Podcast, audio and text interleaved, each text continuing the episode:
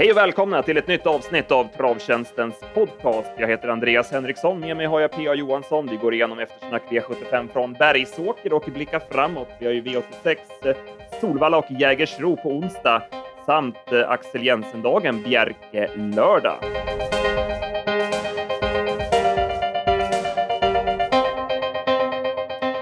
Ja, PA, vi börjar direkt med eh, V75 eh, Bergsåker och eh, de behövde några försök på sig att komma iväg i V751. Ja, det var struligt. Det var Torbjörn chansade i den första och fick för den. Sen var det lite dålig volt på några håll och eh, Unreturned Love som tappade humöret och bråkade. Så det, det var, det var ett struligt lopp och det var väl ganska loppavgörande också när Pikachu Face inte kunde öppna och Miss Goblin pricka perfekt och sen kunde Bangle Rain ta över ledningen in i första sväng. Ja, det var avgjort i första sväng när, när spetsstriden blev som den blev. Eh, fin häst, Bungle Rain. Han, eh, han är ju lite sådär speciell i stilen, men eh, det driver bra och eh, han är helt på rätt väg. Ja, det känns som att eh, med lite mer styrka i kroppen kommer han bli jättebra, för han har ju kvaliteterna. Han kan öppna och han har bra skalle och han har styrkan och sådär. Så att, eh, nej, men den, den, blir, den blir bra nästa år. Pikachu Face eh, valde ju Jansson att gå utvändigt med, men han tappade stilen och bröt och galopperade 900 meter från mål. Ja, det, han var fin innan loppet men eh, vart sämre och sämre och sen det fanns inte att han skulle ta sig mål. Som, det, det märktes redan varvet kvar. Han visade lite grann så där på upploppet på Romme gången innan att han tvekade till lite, men då var det kanske att man tänkte att han var lite ensam så. Men det kan ju varit någonting som var på väg eh, som visade sig nu istället då. Mm, precis, det, med, med facit i hand så, så var det nog så. Bakom så Dr. Doxy Sense, där blev det helt fel för Mattias Andersson som valde att gå på när eh, Pikachu Face satt i dödens. Eh, det blev ja, inget bra drag. Nej, det var ju precis som om att han hade bestämt sig för att göra så va? och då, då vart det inte bra alltså. Det, så är det ibland. Det är bara för honom att ta nya tag. Hästen är i alla fall ganska fin. Eh, Jim Sonna hade vi bra värmning på. Jag tycker väl ändå för att vara en relativt enkel häst så tycker jag den gjorde det bra som tvåa. V75s andra avdelning och Donna Miraz var favorit. Berg valde att lägga på ett halvstängt huvudlag i hopp om att hålla upp ledningen, men gick inte. Sedan valde han dödens varvet kvar, men hon klarade inte det upplägget. Nej, det var ett tufft upplägg för, för en treårig eh, sto då som bara gjort sex starter, så det, det funkade inte. Det blev Isla Morada till ledningen efter en tuff öppning och ingenting att säga om att hon stumnade till slut. Eh, segern till Racer Rose eh, som gick med i anfall i tredje spår och attackerade runt sista sväng. Och eh, ja, när Ulf Eriksson vred på där 350 från mål så jäklar vad det bet bra. Ja, men precis. Då hon kopplade grepp på några steg där så det var, det var mäktigt tryck i henne tycker jag. Och sen, sen så, så måttade han in det med huvan kvar där och hon är bra Racer Rose. Hon, hon har ju visat med Åsa Rosén i vagnen flera gånger att, att hon är riktigt bra och nu fick hon utdelning i stora sammanhang också. Bakom Elby Darling gick ju ett bra slutvarv, så att det är hopplöst till. Däremot har ju Irene ja, Sund men... svårt att vinna lopp. Ja, det visar hon än en gång. Och, men som du säger, Melby Darling var jättetapper. Alltså det, var, det vart ju alldeles för långt fram. V75 3 och eh, poddvinnaren från förra veckan, Angle of Attack, infriade våra förväntningar. Vi spikade ju honom på rubbet och det var pang till spets och ja, intrycket när han studsar undan, det var i alla fall eh, lördagens bästa intryck. Ja, han såg jäkligt fin ut helt enkelt och eh, bättre spänst än vad jag tycker han har visat tidigare så att det, han kommer få en eh, riktigt bra vinter. Erik Adielsson är ju påläst och förstod att hans chans att vinna loppet var att svara ut Berg från start, så att han tog en chansning med Island Life och körde från start, men det gick inte, utan där blev det galopp. Mm, men man kan väl säga att han öppnar bättre än han har gjort tidigare, så att det var trots galoppen något positivt att ta med sig angående honom. Då. Forecast eh, spurtade ju bra som tvåa. Var det någon annan du tänkte på här? Ja, men den här Acropolis Scandi är väl ingen häst man har tagit till sig tidigare, men jag tyckte den avslutade jättebra efter sin lucka, så den, den kan väl duga i, på, i normala sammanhang i, i Norrland.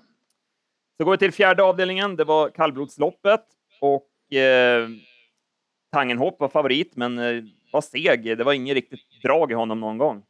Nej, det var lite som på Bergsåker där när Ulf Olsson vann med honom, att han inte var något bra. Och han har väl dålig eh, statistik på Bergsåker Och han kanske inte trivs där. Samtidigt så har ju Björn Karlsson hintat om att formen inte är den allra bästa och att säsongen har varit lång och sådär för honom. Va? Så att eh, det var nog eh, lite olika saker som spelade in där. Men, men att han inte var så bra som han kan vara, det är ju helt klart.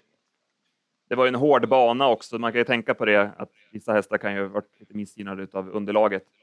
Ja, eh, Pavifax. Pavifax där, det var dubbla galopper och han är spänd som en fiolsträng. Det är inte lätt att få runt felfri. Nej, precis. Man trodde ju det när han hade fått ett varv på sig att trava in sig. Och Ulf Eriksson väntade till det vart rakt när han styrde på. Man tänkte han kan nog sveppa till ledning för Torvald travade ju dåligt i spets. Men han har hittat på att hoppa där innan han kom ner utvändigt ledande. Så han är väldigt svår.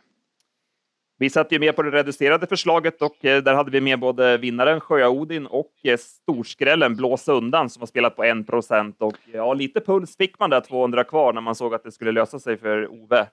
Ja, precis. Jag trodde hon kanske, för Sjöodin brukar inte vara den uppkäftigaste sista biten, men eh, på hårdheten där så höll han undan. Men det var ett bra drag på få hästar att vara med och blåsa undan. Det var in, inte dumt alls faktiskt.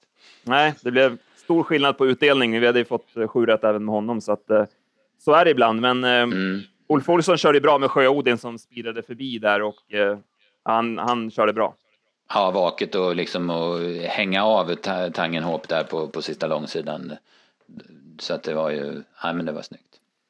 Så går vi till gulddivisionen och här blev det favoritseger i Knows Nothing som fick en dryg inledning fram utvändigt ledaren men var bara bäst och visar återigen att han presterar som bäst efter lite uppehåll.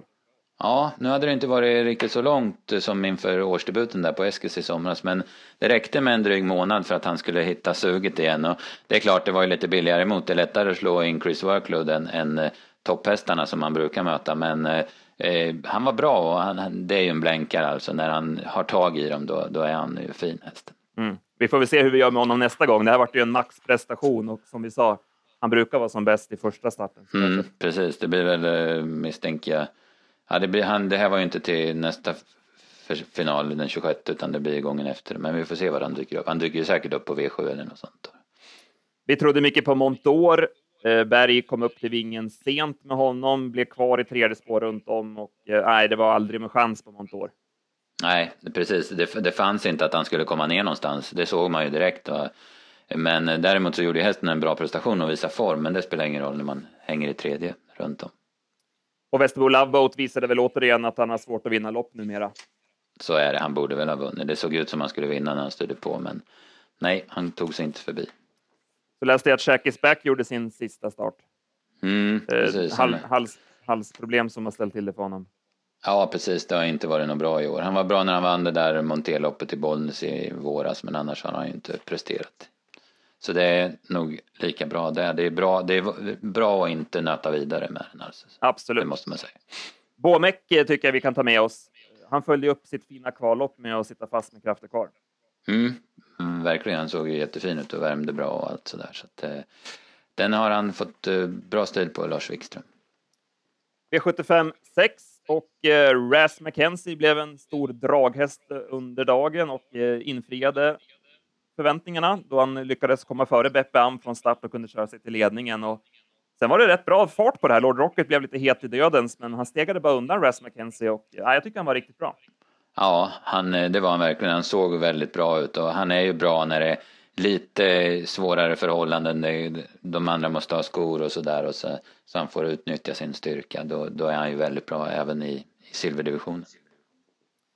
Någonting annat från det här loppet som du tar med dig? Nej, det var väl inget speciellt. Jag, jag, tyckte, jag tyckte de gick som förväntat ungefär. Va? I V757 så blev det återigen en favoritseger i Zenit Brick.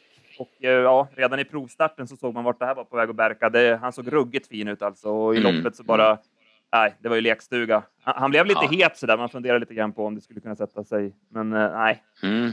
Han, han gav dem andra chansen genom att kanske tro att det var 1600 som skulle sticka när det var 1600 kvar istället då, för då han drog iväg med ett rätt så rejält varv där mitt i. Va? Så att, men eh, det var inget problem. Han, han var jättefin. Han var, jag tyckte han var ännu finare än när han vann på Romme och då var han ju, spurtade han ju otroligt bra. Va? Så att, eh, den har man verkligen kommit rätt på nu.